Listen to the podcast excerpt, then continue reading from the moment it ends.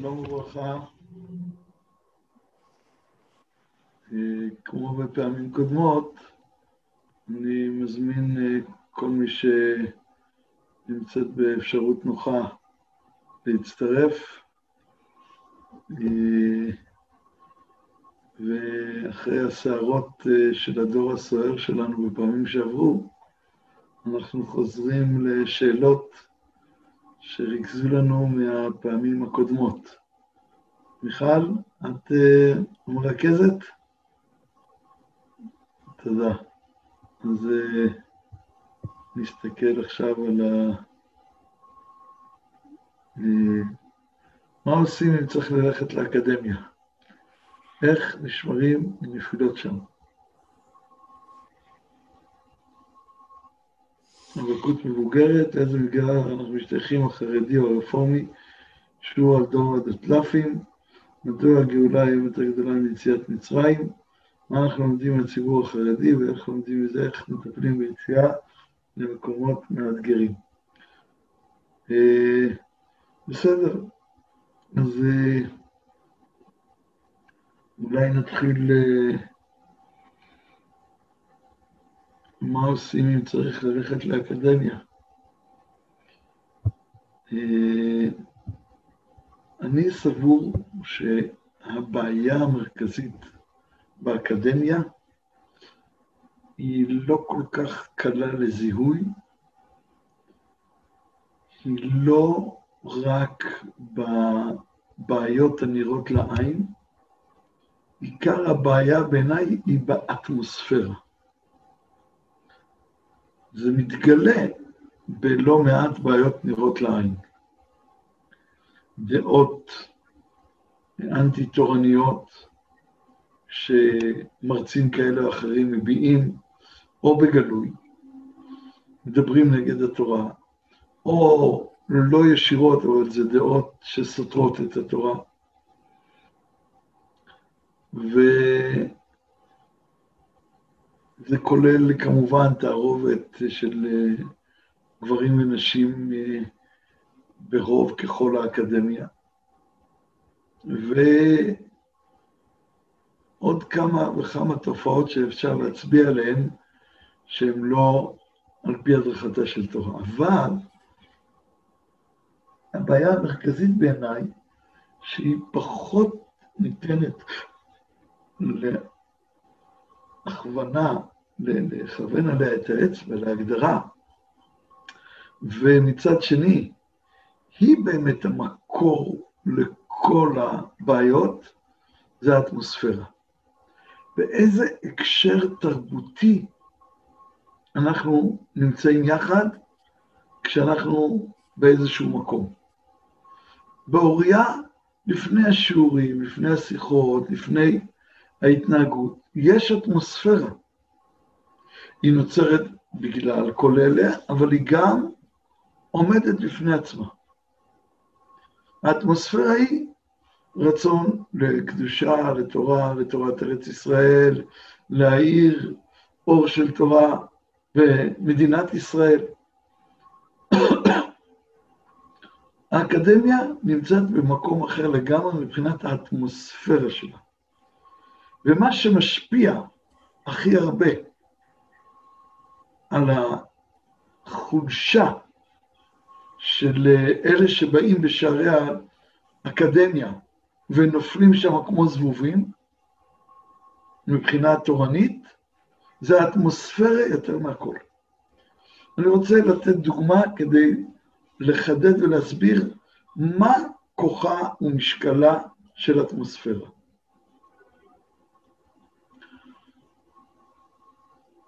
פעם ראיתי בדרך אה, ז'בוטינסקי, הכביש המרכזי שרוצה את פתח תקווה ואחר כך בני ברק ומגיע עד לכניסה לתל אביב. נסעתי ואני רואה אה, מודעה ענקית על איזה מזרון. אני נוסע עוד קצת, ואני רואה עוד מודעה ענקית על מזרון. מתי אה, קניתם מזרון בפעם שעברה? כנראה לפני הרבה זמן, שלא לומר הרבה מאוד זמן. מזרון זה לא דבר שקונים כל, היום, כל יום. אני אומר לעצמי, חברת מזרונים משקיעה שלט ענק שעולה, אני לא יודע, בטח עשרות אלפי שקלים לשבוע. אבל אני נוסע ורואה עוד אחד, ואחרי זה עוד אחד, ואחרי זה עוד אחד, ועוד אחד. ואחרי העשרה, אני אומר, הם פשוט מטורפים לגמרי. קיבלו איזו ירושה והחליטו לבזבז אותה על אה, מודעות רחוב? מה, מה קרה שם? הלכתי קצת מסקרנות ללמוד איך זה עובד. ואז הבנתי את הדבר הבא.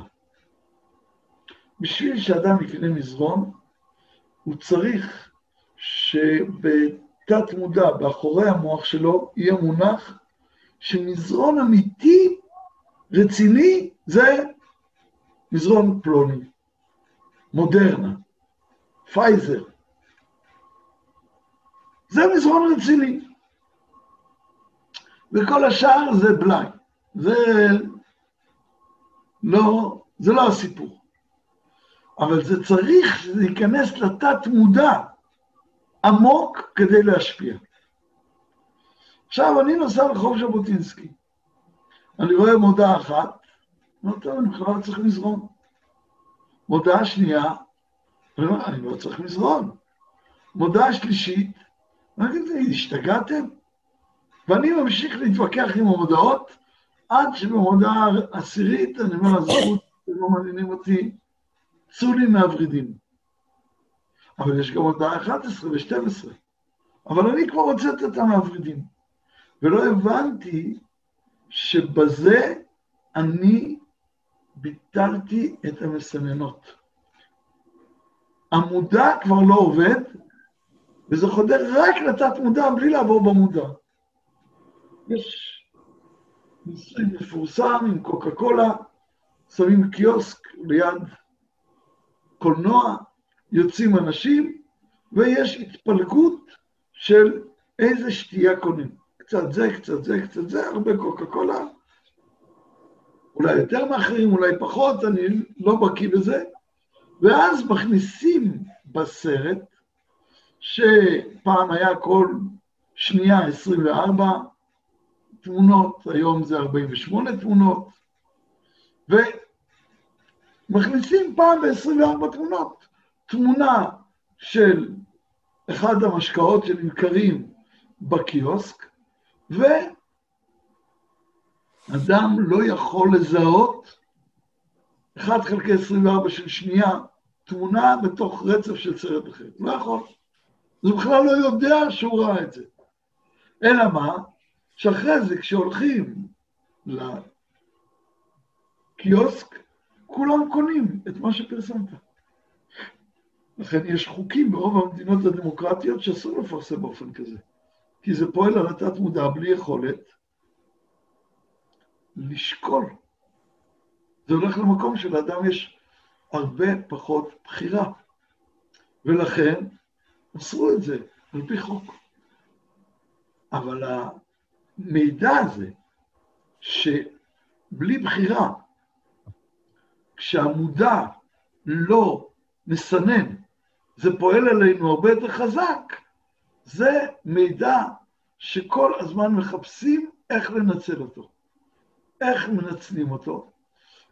נותנים לך ברצף של אה, נסיעה עוד ועוד ועוד ועוד פרסומות, ובאיזשהו שלב נמאס לך, ואז המודע לא מסנן, ואז זה מתחיל לחדור לתת מודע ולפעול את פעולתו בלי בחירתך.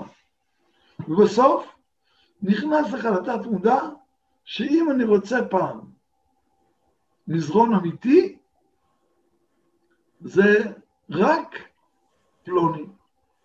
לימים אתה הולך וקונה מזרון, ואולי אפילו אתה קונה אותו יותר מהר בגלל שאתה מגלה שהמזרון שלך הוא לא אמיתי. אף נסיכה לא הייתה הולכת לישון על מזרון כזה. אז אתה אולי אפילו מזרז את הקנייה של המזרון, וכשאתה בא לקנות מזרון, ומראים לך עשרה מזרונים, ויש הרבה שיקול למה ללכת אל מזרון אחר, ואתה אפילו לא יודע למה, אבל בסוף אתה קונה את זה. אתה מתרץ לך את זה בכל מיני תירוצים, אבל בסוף אתה קונה את המזרון שחדר לך לתת מודע. ככה בני אדם עובדים. והפסיכולוגיה הזאת היא לא איזה רעיון אה, מעניין לענות בו.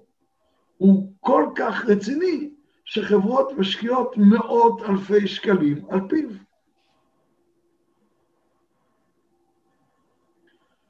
האטמוספירה של עולם אקדמי משפיעה עלינו הרבה יותר עמוק מאשר דבר מסוים שאולי אפילו אנחנו מתנגדים לו.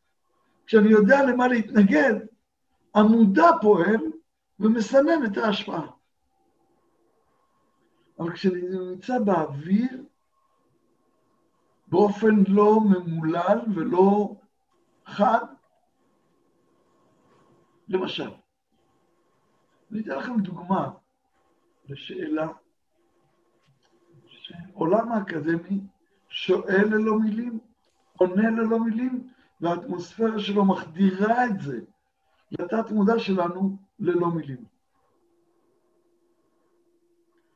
מהי המציאות בעומק אמיתתה? שאלה מאוד חשובה. כשאתן לומדות באוריה, אז כל הזמן, דרך המודע בעיקר, אז אתן שומעות שעם ישראל עבר את כל ההיסטוריה, והיו יוונים, אנחנו עדיין בחודש טבת, שהתחיל בחנוכה, והם שלטו בעולם, וגם רמסו אותנו, וגם טימאו את כל השמנים, ואת בית המקדש, והיה נראה כאילו הם סוף הדרך, ואנחנו בסוף הדרך. המתייוונים היו מרובים מאוד, והחשמונאים היו קטנים ומרוחים. ומה עומק אמיתת המציאות?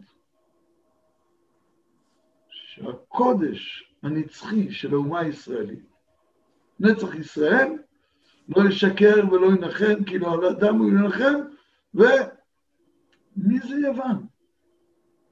איזו מדינה שעכשיו קנתה מאיתנו בהון עתק של מיליארדים רבים, אה,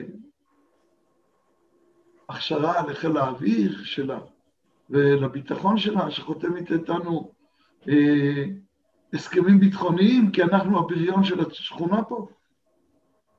זה יוון היום. אז כשאנחנו מתבוננים על זה פעם אחר פעם באוריה, אז אמיתת המציאות מתחילה להתגלות כמשהו שהנראה לעין הוא לא המדד שלו. האם מראה עיניים תופס אותנו חזק בטענה שאני המציאות? בוודאי. אבל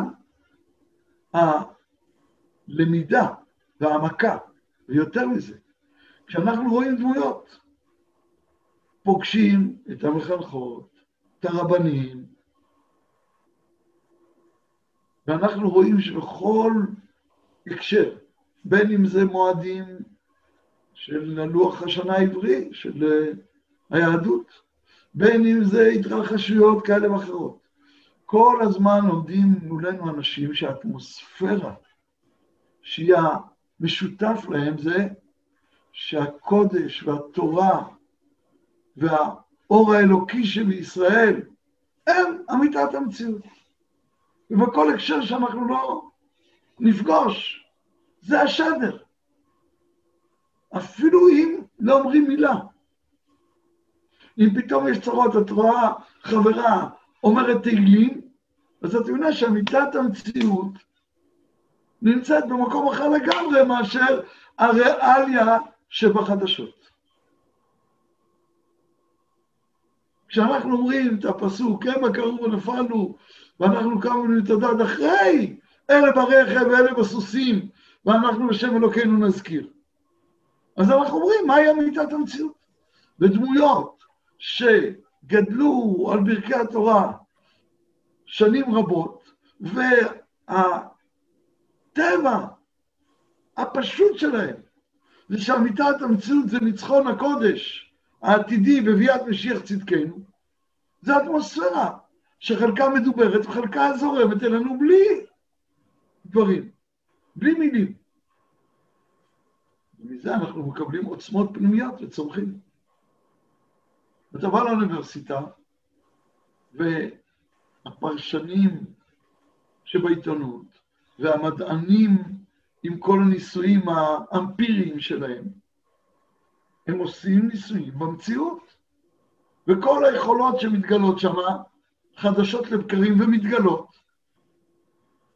אתה אומר, זה עובד, זאת המציאות.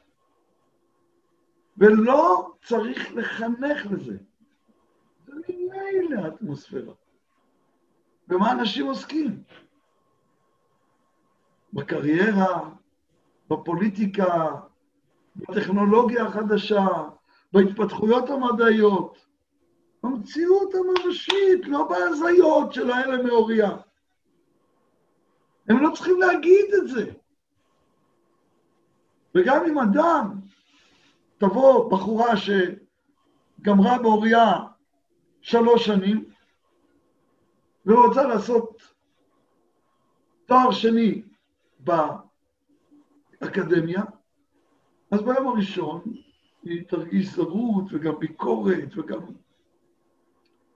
ואפילו האטמוספירה לא תשפיע עליה. אבל לאט לאט היא תעשה עוד מבחן ותצלצל לזאת שתיתן לה קצת חומר ולהיא, ואז היא מסבירה לה ושומעים וחברים, ויושבות עם uh, עוד חברות בארוחת צהריים ומשוחחות ומנתחות את הפוליטיקה ופתאום את רואה שהיא גם מבינה דברים שאת לא הבנת, שבאוריה לא גילו לך, האינפנטילים, הפונדמנטליסטים האלה, נתנו לך מבט מאוד מאוד צר על המציאות. אבל איך זה באמת עובד, לא סיפרו לך. האם סמסטר אחד באקדמיה יגלה לכם חלקים על המציאות שלא קיבלתם מעולם באוריה? ברור, וזה לא משנה באיזה פקולטה. ותוך כדי הוא ישדר לכם המציאות כפי שאתם הבנתם באטמוספירה של אוריה, זה בועה הזויה. המציאות האמיתית נמצאת בטוויטר, בפייסבוק, בוויינט, בטכנולוגיה, בכל מיני מקומות כאלה. אז האטמוספירה היא המכריעה. ולאט לאט אנחנו בכלל לא יודעים ולא שמים לב, והכל משתנה לנו נגד העיניים. אז מה צריך לעשות? אולי לפני מה צריך לעשות, שאלות עד כאן. הנה כבר יש. האקדמיה פוגשת את הציבור הדתי-לאומי בשנות הרווקות, והחיבור הזה יוצר מורכבות ומוסיף פתחים. שמרתי את פי מלהזכיר את העניין הזה. כולם יודעים למה הכוונה ועד לאן זה מגיע ומה המשמעויות של זה. בלי שום ספק.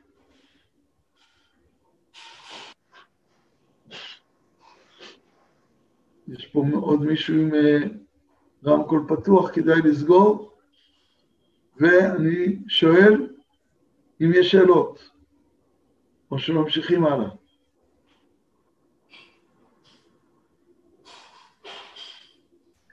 יש עדיין מישהי עם, אה, עם, אה, רמקול, עם מיקרופון פתוח. האחראית פה איתנו? כן, אבל שנייה רגע. בעיקרון... בעיקרון הרמקולים קבועים, אי אפשר לפתוח אותם, אז לא נראה לי זה מפה. האקר פרץ לנו? טוב, מעניין. בסדר. אה, לא, אני לא רואה. אולי מישהי בשם ציפי, אבל גם לא אמור להיות פתוח. טוב, פשוט כדאי לעבור לראות על כל על כל הרשימה ולראות שלכולם הרמקול, המיקרופון סגור. כי אני חושב שכן היה פה רעש שהגיע מהזום.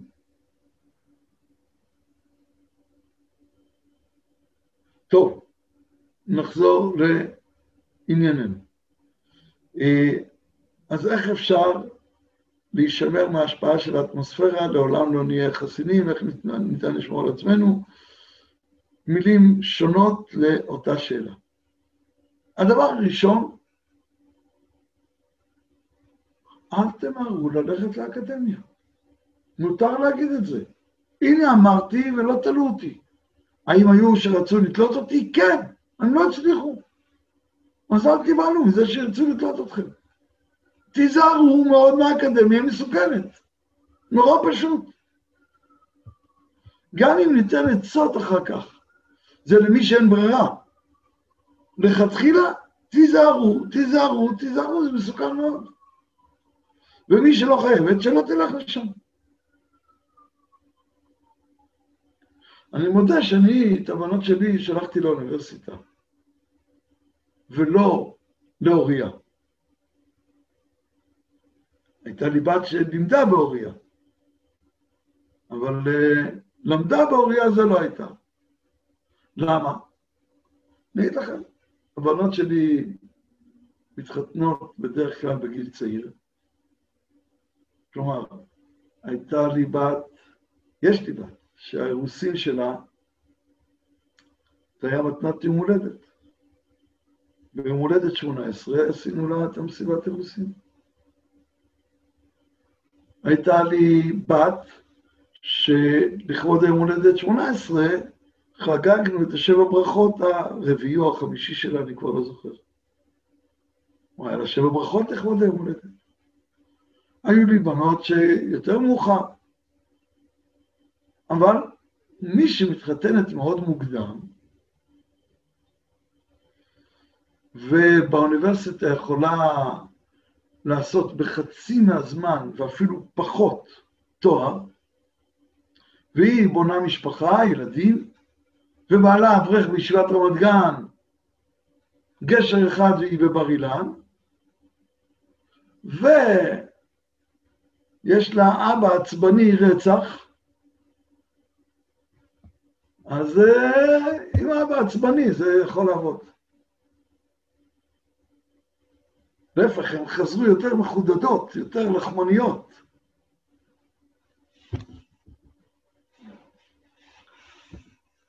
זה דוגמה למה לפעמים אפשר, ואני לא אומר תמיד אסור, אבל זה תמיד לא פשוט, וצריך לשקול את זה טוב טוב.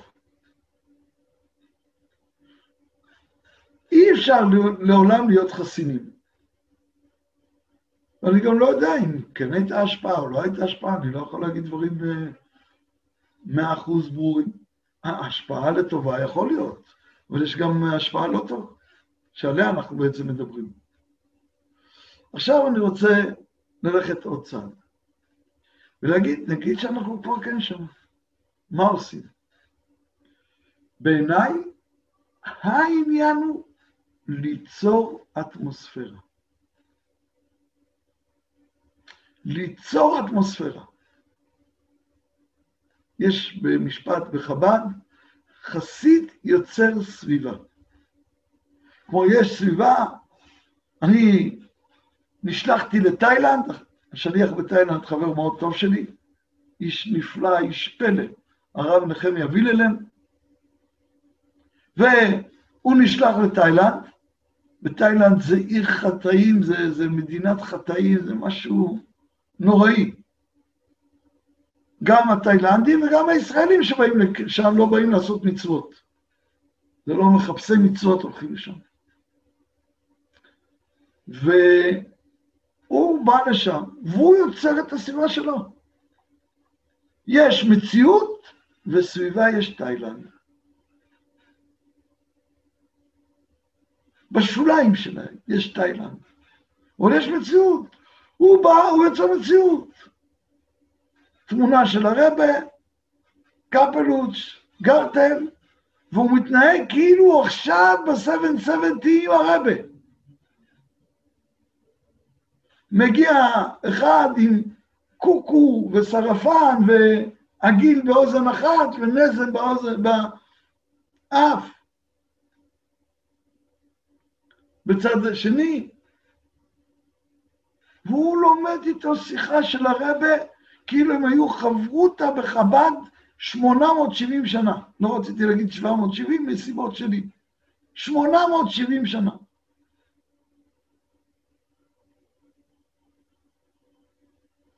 וזה שההוא בכלל לא, הוא לא מסתכל על זה. לא הבנת, עכשיו המילים יפעלו בך, תבין אחר כך. כל העולם זה שיחות של הרבה, זה אין, אין, אין משהו אחר. נדמה לך שיש לנו פה תאילנד מסביב. זה ממבט על, אתה עדיין בדמיונות. באמת יש רק את זה, אין תאילנד מסביב. כך הוא חי, וכל מי שנכנס לבית כך הוא חי.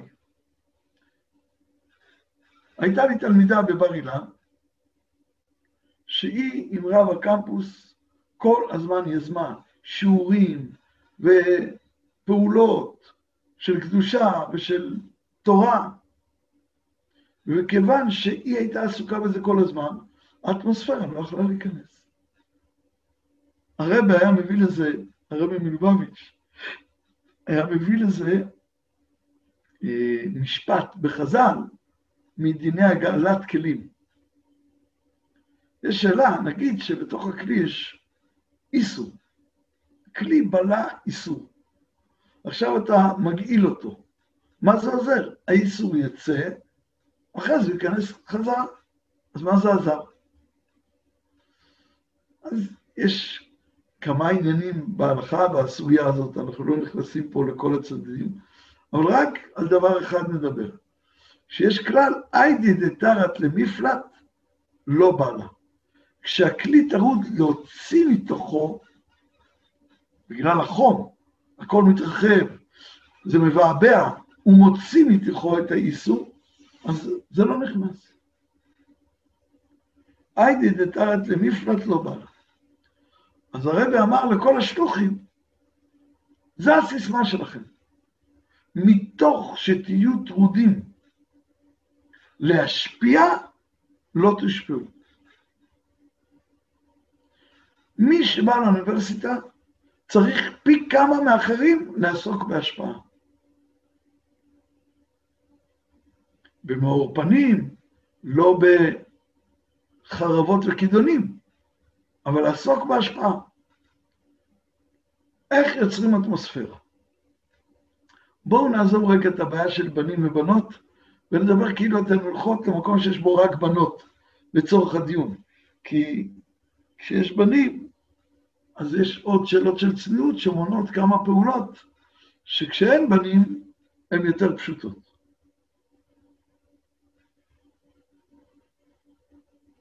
הדבר הראשון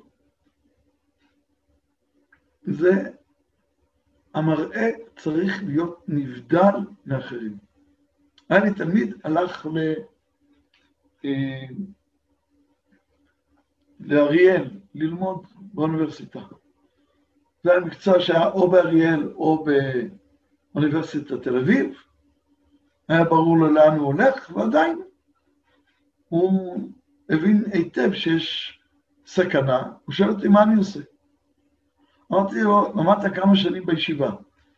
שאלתי אותך פעם איזה חולצה אתה לובש? איך אתה מסתפר? איך אתה נראה? אני לא מדבר על זה, זה לא מעניין אותי. אני עסוק בפנימיות, אם יש בעיות שמה, שממילא זה יתוקן. עכשיו אני רוצה לדבר איתך. אתה הולך לאוניברסיטת אריאל, תלבש חולצה לבנה, תראה בייניש. לפחות מכופתרת. שכולם יגידו, אה, אה, אה, זה בייניש. תוציא ציציות. אתה ספרדי, תשאל רב ספרדי לצורך מניעת קלקול, מותר לך להוציא ציציות. תגדל גוזמבות. אני לא אוהב גוזמבות. אבל כשיש לך גוזמבות, כל רואים, זה משיגנר. קוראים לה ימר, ימר שי. בוא, בוא, תטפל בהם.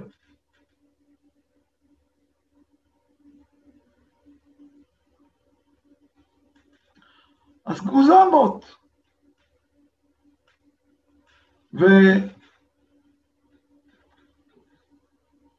ועוד יותר חשוב מהכל, בעיניי,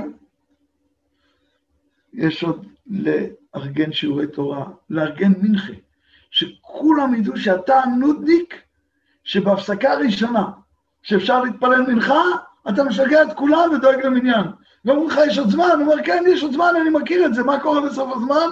אתה חוטף uh, מנחה לרגע או שוכח. בואו נעשה עכשיו מניין. תשגע אותם. אז אתה יוצר אטמוספירה. והדבר הכי חשוב בעיניי, לברך ברכות בקול רם. ברוך השם יש הרבה ברכות. אנחנו בחברת שפע, תמיד יש איזה משהו להכניס לפה. כוס מים לפחות. אנחנו לא צריכים ללכת לאיזה באר לשאוב בשביל שיהיה לנו כוס מים.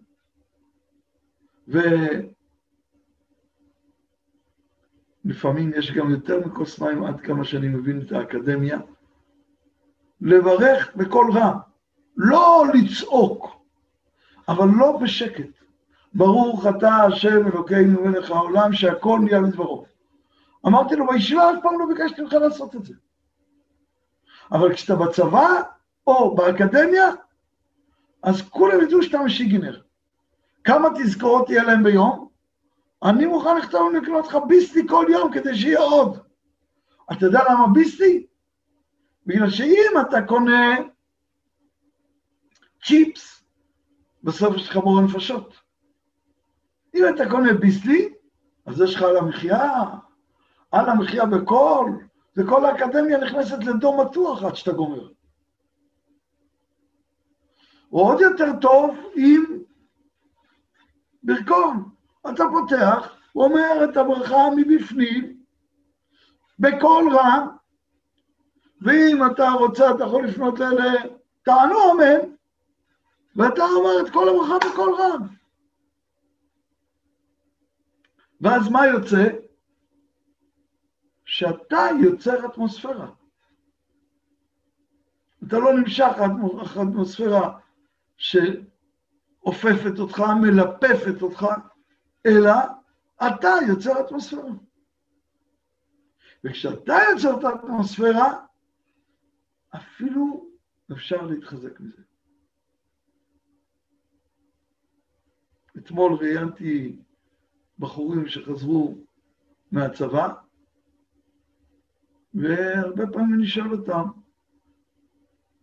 מה הדבר הכי טוב שקרה לך בתקופת הצבא? ושאלתי אחד הבחורים, הוא אומר, הדבר הכי טוב שקרה לי בתקופת הצבא, זה שבאיזשהו שלב אה, נחלקה הפלוגה, ואני הייתי עם חילונים. כמעט לבד, לא ידעתי, רק חילונים. הוא אומר, התקופה הזאת הייתה לי תקופה של התחזקות שאין כדוגמתה. אני אחרי, הייתי אחראי על יהדות, להסביר, לפעול, שינה אותי לגמרי. אני לא הייתי הולך לכתחילה לאקדמיה, אבל אם הולכים נכון, זה יכול להיות אפילו מנוף, מאז להוציא מתוק. לפני שאנחנו ממשיכים, אני אסתכל קצת אה,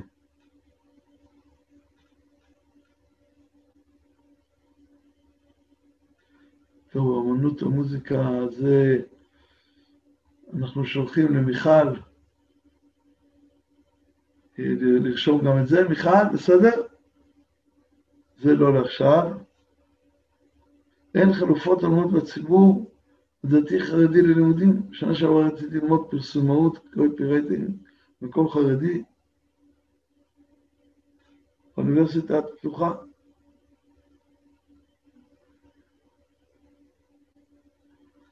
נכון. למה? את יודעת, לעומת זאת, יש לנו בעיה בפרסומאות וקופירייטינג, אנחנו לא משהו. אבל בתורה, ברוך השם, בחינוך, ביישוב הארץ, בצבא, היום אנחנו לומדים שאסור להזניח גם פרסומות וקופירייטינג. וזו מומחיות חשובה. ומסביבי יש הרבה אנשים שמתמחים בזה. אבל את צודקת שזה לא פשוט. מי ששליח לא משפיע, זה בדיוק מה שתיארנו. אה, האם כל הציבור צריך להתגייס לצבא, או שמי שטוב לבית המדרש? רגע, זה גם כן. אם אפשר, מיכל, לשמור על השאלה הזאת, היא לא אה, קשורה ישירות לדברים שלנו. אה, תורה מול צבא. אה, עשר דיברות, יפה. שירה זה רעיון מצוין.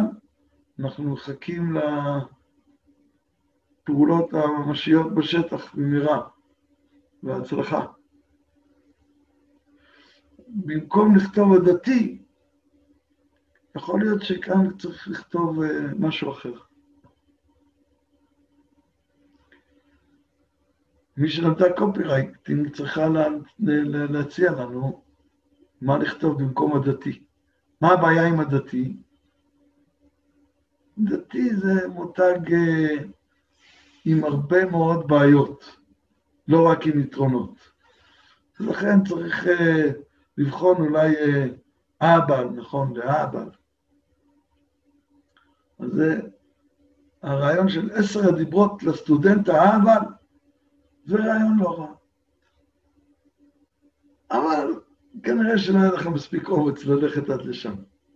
אתם לא האבלים עד כדי כך. צריך לחשוב, אבל uh, אין הכי נמי, אני בעד. ושאלת האטמוספירה היא השאלה הכי הכי חשובה וקריטית בעניין הזה. אני חושב שיש חוץ מהאטמוספירה גם בעיות שצריך להתמודד איתן. כשבנות שלי נפגשו בבעיות, הם נלחמו. והמאבק הזה של המלחמה נגד, היה לבת שלי פעם מרצה דתי. ששיבח מאוד איזה אדם אה, חילוני, אולי אפילו גוי, אני לא זוכר, ובאותו שיעור אה, הוא אה, ביקר וזלזל באחד מדמויות האות של האומה הישראלית, אני לא זוכר אם זה היה דוד המלך, או האבות הקדושים, או משה רבינו, אחד מה... והבת שלי אמרה לו, האם אני יכולה לסכם את האג'נדה שלך, את סולם הערכים שלך, בזה שפלוי נהיה גוי, איזה שחקן או משהו, הוא בראש הפירמידה, ומשה רבינו הוא בתחתית הפירמידה, רק אני רוצה לוודא שהבנתי טוב. איזה רעש נעשה שם. והוא התנצל. בסוף הוא התנצל. היא אמרה לו, סליחה, זה מוסד דתי, אני צריכה להבין מה, מה בעצם אומרים פה?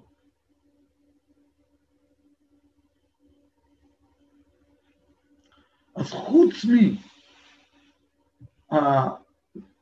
מהאטמוספירה, מותר גם מי שהוא נהיה איש מלחמה, שכל הזמן מעצבן את המערכת, הוא כנראה לא יוכל לתקן אותה.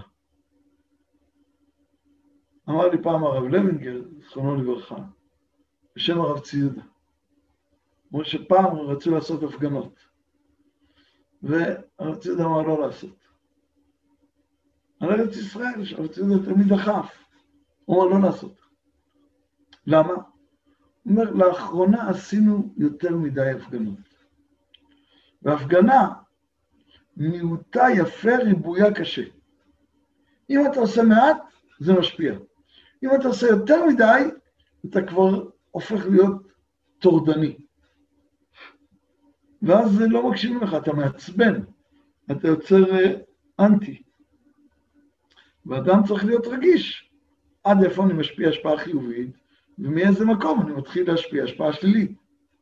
ואני לא מציע לאף אחד להיות זבוב טורדני לאף מרצה.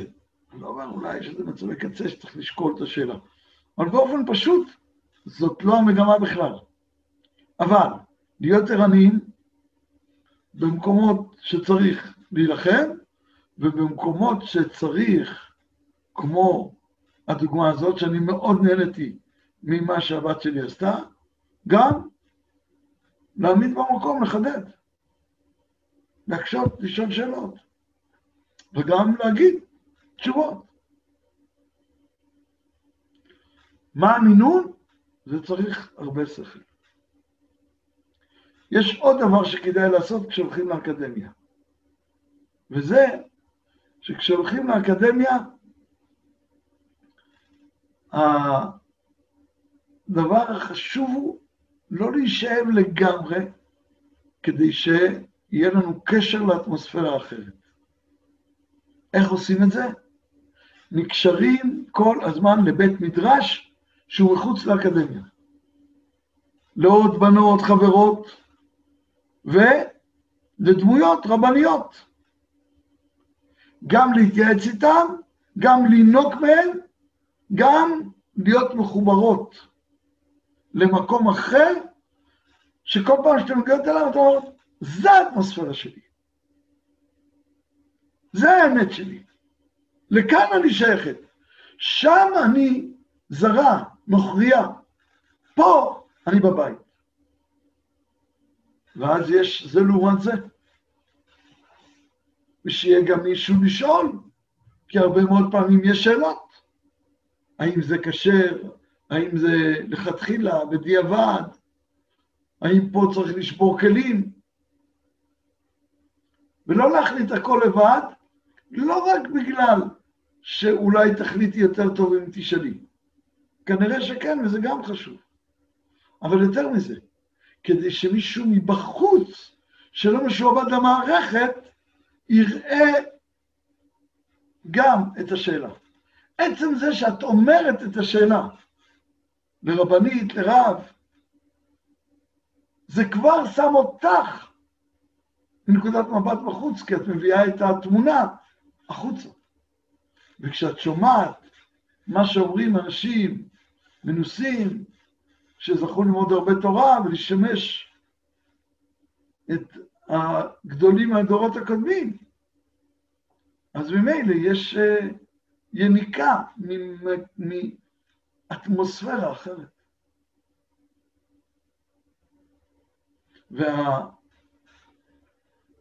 והאחיזה בבית מדרש, על כל סעיפיו, גם לשמוע שם שיעורים, גם שיש שם הקשר חברתי, לאן אני שייך, הקשר תרבותי, הקשר אטמוספרי, מה הבית שלי, וגם דמות מנחה, ששואלים כשיש ספקות, שיונקים כל הזמן, שיש לי בית אמיתי כאלטרנטיבה לאטמוספירה שנוטה לחדור, ועד כדי שלפעמים צריך גם להגיד, stop, עכשיו צריך להתרחק. אולי סמסטר אחד לא ללמוד. לעשות איזה מעשה דרסטי. מעיין שואלת, אני אחרי האקדמיה ועדיין מרגישה שבסביבה שלי אני זרה. הבעיה היא שאין מקום של מנוחה ונחלה. אני חושבת שאם כל הזמן צריך להיות בסוג של מלחמת הישרדות ולעמוד על המשמר, גם מתעייפים וגם אין הרחבת הלב ונחת. בסביבה שלי הכוונה, אם אני מבין נכון, מעיין תתקן אותי אם לא, לסביבת הבית שגרים והשכונה, החברה שממנה באים בסניף, בהקשרים חברתיים כאלה ואחרים, אם זה נכון, אז אה, באמת מלחמת הישרדות היא לא דבר קל. יש אנשים שנבנים מזה, ואדרבה, זה מגדל ומפתח אותם. אבל הרבה אנשים, זה גורם להם, כמו שאת אומרת, שאין להם הרחבת הדעת ולא נחת, וההפך. לפעמים יש להם הימשכות ומצוקות כלפי הקדושה והימשכות כלפי דברים אחרים. מה צריך לעשות? לפעמים אין ברירה, אלא למצוא חברה אחרת. לפעמים שווה לשלם הרבה כסף כל חודש כדי לגור עם חברות בהקשר תרבותי אחר. להחליף חברה. כאותו אחד שבא והציע לרבי יוסי בן קיסמא, כמדומני, שלבוא לגור איתנו וניתן לך אלף אלפי דינרי זהב, או מה שכתוב שם. ומה הוא אומר לו? אפילו תיתן לי כל הון שבעולם, אני לא עוזב מקום תורה. נכון? אז לפעמים שווה להשקיע כסף כל חודש כדי לגור עם חברות במקום תורני. לפעמים שווה לנסוע יותר כדי שהמגורים יהיו במקום תורני, ואף על פי שזה יותר רחוק מהיעד שאליו צריך להגיע כל בוקר, ולא לחיות במקום שהוא יותר רחוק, שהוא יותר רחוק דתית ויותר קרוב גיאוגרפית. נכון? צריך להשקיע בזה. זה לא בא לבד. הרבה מאוד פעמים אנחנו מצפים שתואר ראשון בביולוגיה, טכנולוגיה, מנהל עסקים או כל דבר אחר, זה צריך להשקיע שנים והרבה כסף. אבל להיות דבוק בקדושה, זה יגיע לבד, ואם זה לא מגיע, מעניין מאוד מה קרה. גם בזה צריך להשקיע. גם זמן, גם משאבים, גם תשומת לב, גם כסף. האם זה פחות חשוב מתואר ראשון, להיות דבוק בקדושה ובאנשים קדושים? אתם לא עונות, כי התשובה ברורה לכולם. ברור שלא. אז לכן, גם אם זה דורש, להפך, אם אדם משקיע כסף או דרך בשביל להיות בסביבה תורנית, כדי לא להיות גם באקדמיה וגם במגורים, וכל הזמן במאבקים הוא מרגיש שאין לו כוח, שהוא מנשם בחוץ, ובשביל לא להרגיש כך, אז הוא מוכן לנסוע כל יום עוד זמן, או לשלם עוד כסף. והוא אומר לעצמו, אני משלם את הכסף בשביל להיות באטמוספירה, זה נותן עוצמה אדירה, מימד עומק. לאטמוספירה שאליה הוא הולך.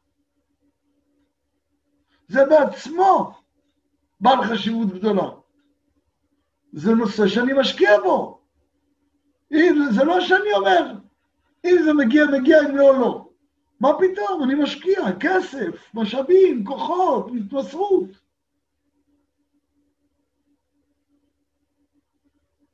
עצם ההשקעה היא בעלת משקל רב.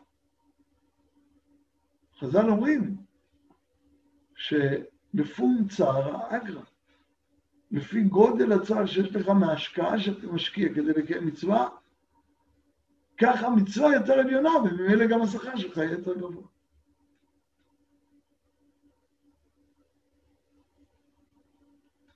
שאלות עד כאן.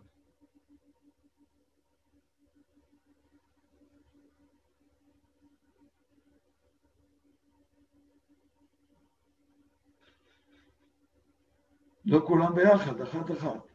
בסדר, אין שאלות, הכל מובן. אז אולי אני אהפוך את הסדר. נשארו לנו עוד כמה דקות, וזה נשמע כאן כאילו אתם רק לא יודעות ואני רק יודע. והאמת היא שזה לגמרי לא נכון. בואו נעשה רגע להפוך את הסדר. מה עושים כדי להישאר חזקים באקדמיה למי שבסוף אין ברירה, הוא צריך ללכת לשם. הצ'אט סובל גם רעיונות למה עושים. אז בואו נתחיל.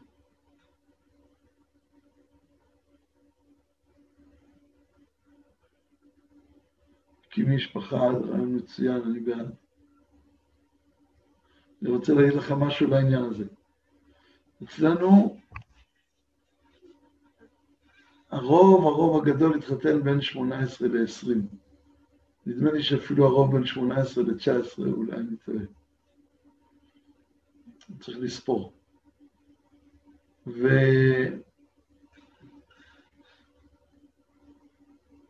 זאת, עכשיו היה לי נחת מאוד גדולה והפתעה.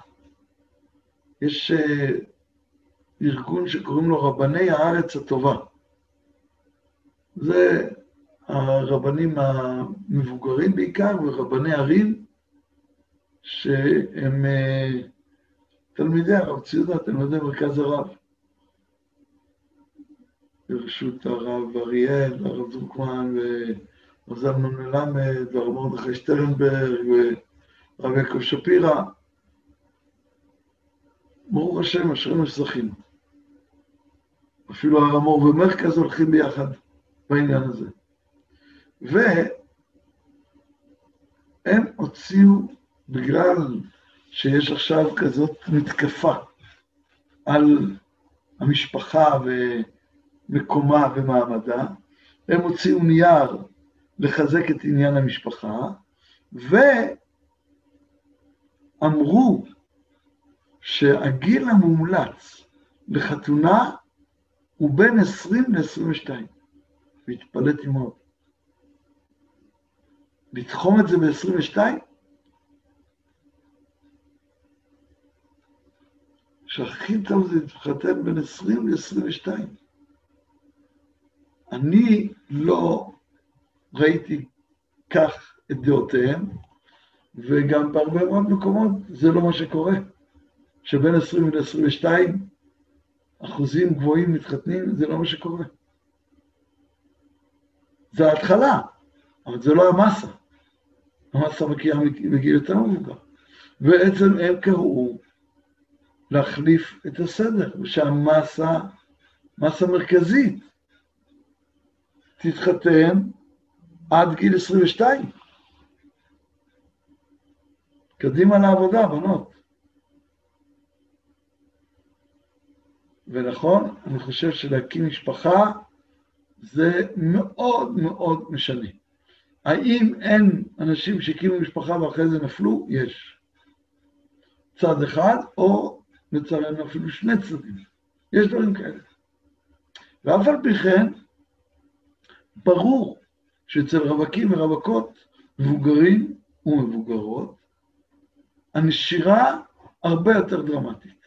כשכבר עוסקים בלהקים משפחה, אז החיים הם לא הפקר.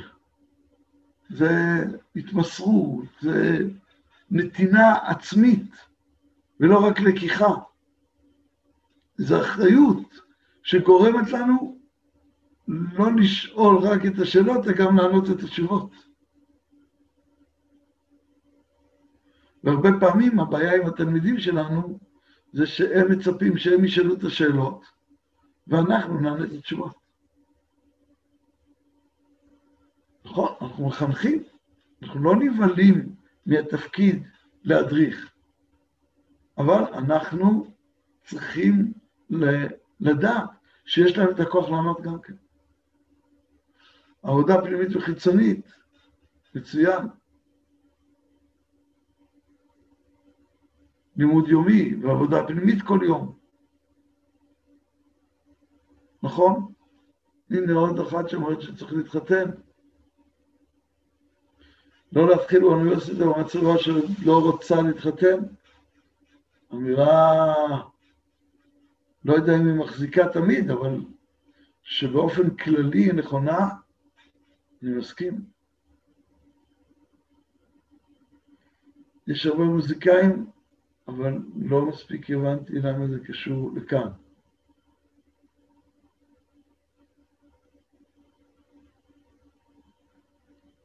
טוב, צריך עיון. תפילה להשם, אמונה חזקה בהשם. אם הייתי יכול, אני לא מכיר את השיר הזה. אה, אני לא יודע מה הכוונה. תסלחו לי. הרבה פעמים בישיבות לא מעודדים להתחתן בשיעורים מקדמים, לכן התפלאתי שהם, אה, אצלנו כן, אה, הרבה יותר מקובל הדבר, לכן התפלאתי שהם אומרים גיל 20 עד 22, זה, זה כאילו הקריאה להתחתן בשיעור ג'-ד'. באמת התפלאתי. אני חושב על זה חשוב מאוד. שווים מדרשה, לימוד ומסגרת. מצוין. חיזוק התודעה שיש לי תפקיד גדול לעשות קידוש השם, ולפעול אפילו בדברים קטנים, להיות יותר נחמד, סבלן, שיראו את הצד היפה שביהדות. אני רוצה להגיד לחנה, אני קצת נבהל מהעצה הזאת. למה? דווקא כשאנחנו באים לאוניברסיטה לנסות להיראות יפים, זה עלול להיות המפתח של האטמוספירה שלהם אלינו פנימה. דווקא שם אנחנו צריכים להיות אמיצים, בוערים, כמובן עזבי פנים, אבל לחזק את הבן אדם למקום יותר מאשר בן אדם לחברו. הבן אדם לחברו זה המכנה המשותף, שאם אני הולך רק עליו, הוא מאפשר לכל הדברים האחרים להתקבל. מה החסינות, החיסון, בפני הדעות המקולקלות? לא בן אדם לחברו, על זה הם אה, מסכימים. שהדתיים צריכים להיות נחמדים וסובלנים ויפים, זה מסכימים.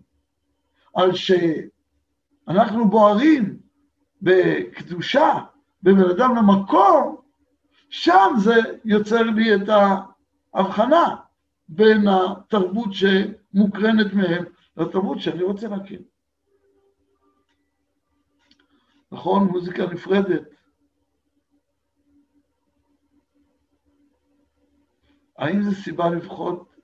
זו סיבה לשקול. בעיניי זו סיבה לשקול.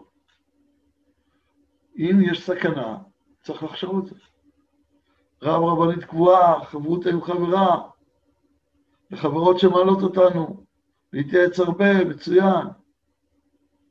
אם אכן רוצים להקדים גיל מסוימים, יש יותר לקום שיעורים על הכנה לדייטים, משפחה בישיבות. אצלנו בישיבה אין כל כך אה, קושי כזה, ואם אני עוד אעביר אה, עוד שיעור אחד על דייטים, לא יישארו לי בחורים בישיבה. אני קצת מגזים. שוב, שמונת הלשון, אני רוצה להגיד את עניות דעתי. לעניות דעתי, מצוות של בן אדם לחברו מבחינות פחות ומחסנות פחות.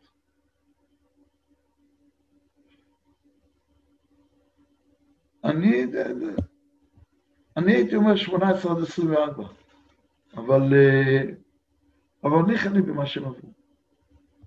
טוב, הגענו לשעה שאנחנו צריכים אה, לסיים, אז ברכת השם עליכם גם למצוא שידוכים אה, במהרה, גם לרצות את זה, וגם שכל העצות האלה בסוף לא תצטרכו אותם, ותהיו בעולם מלא קדושה, מלא תורה, מלא רוממות של אלוקיותם של ישראל, בעזרת השם. תודה רבה רבה, שבת שלום.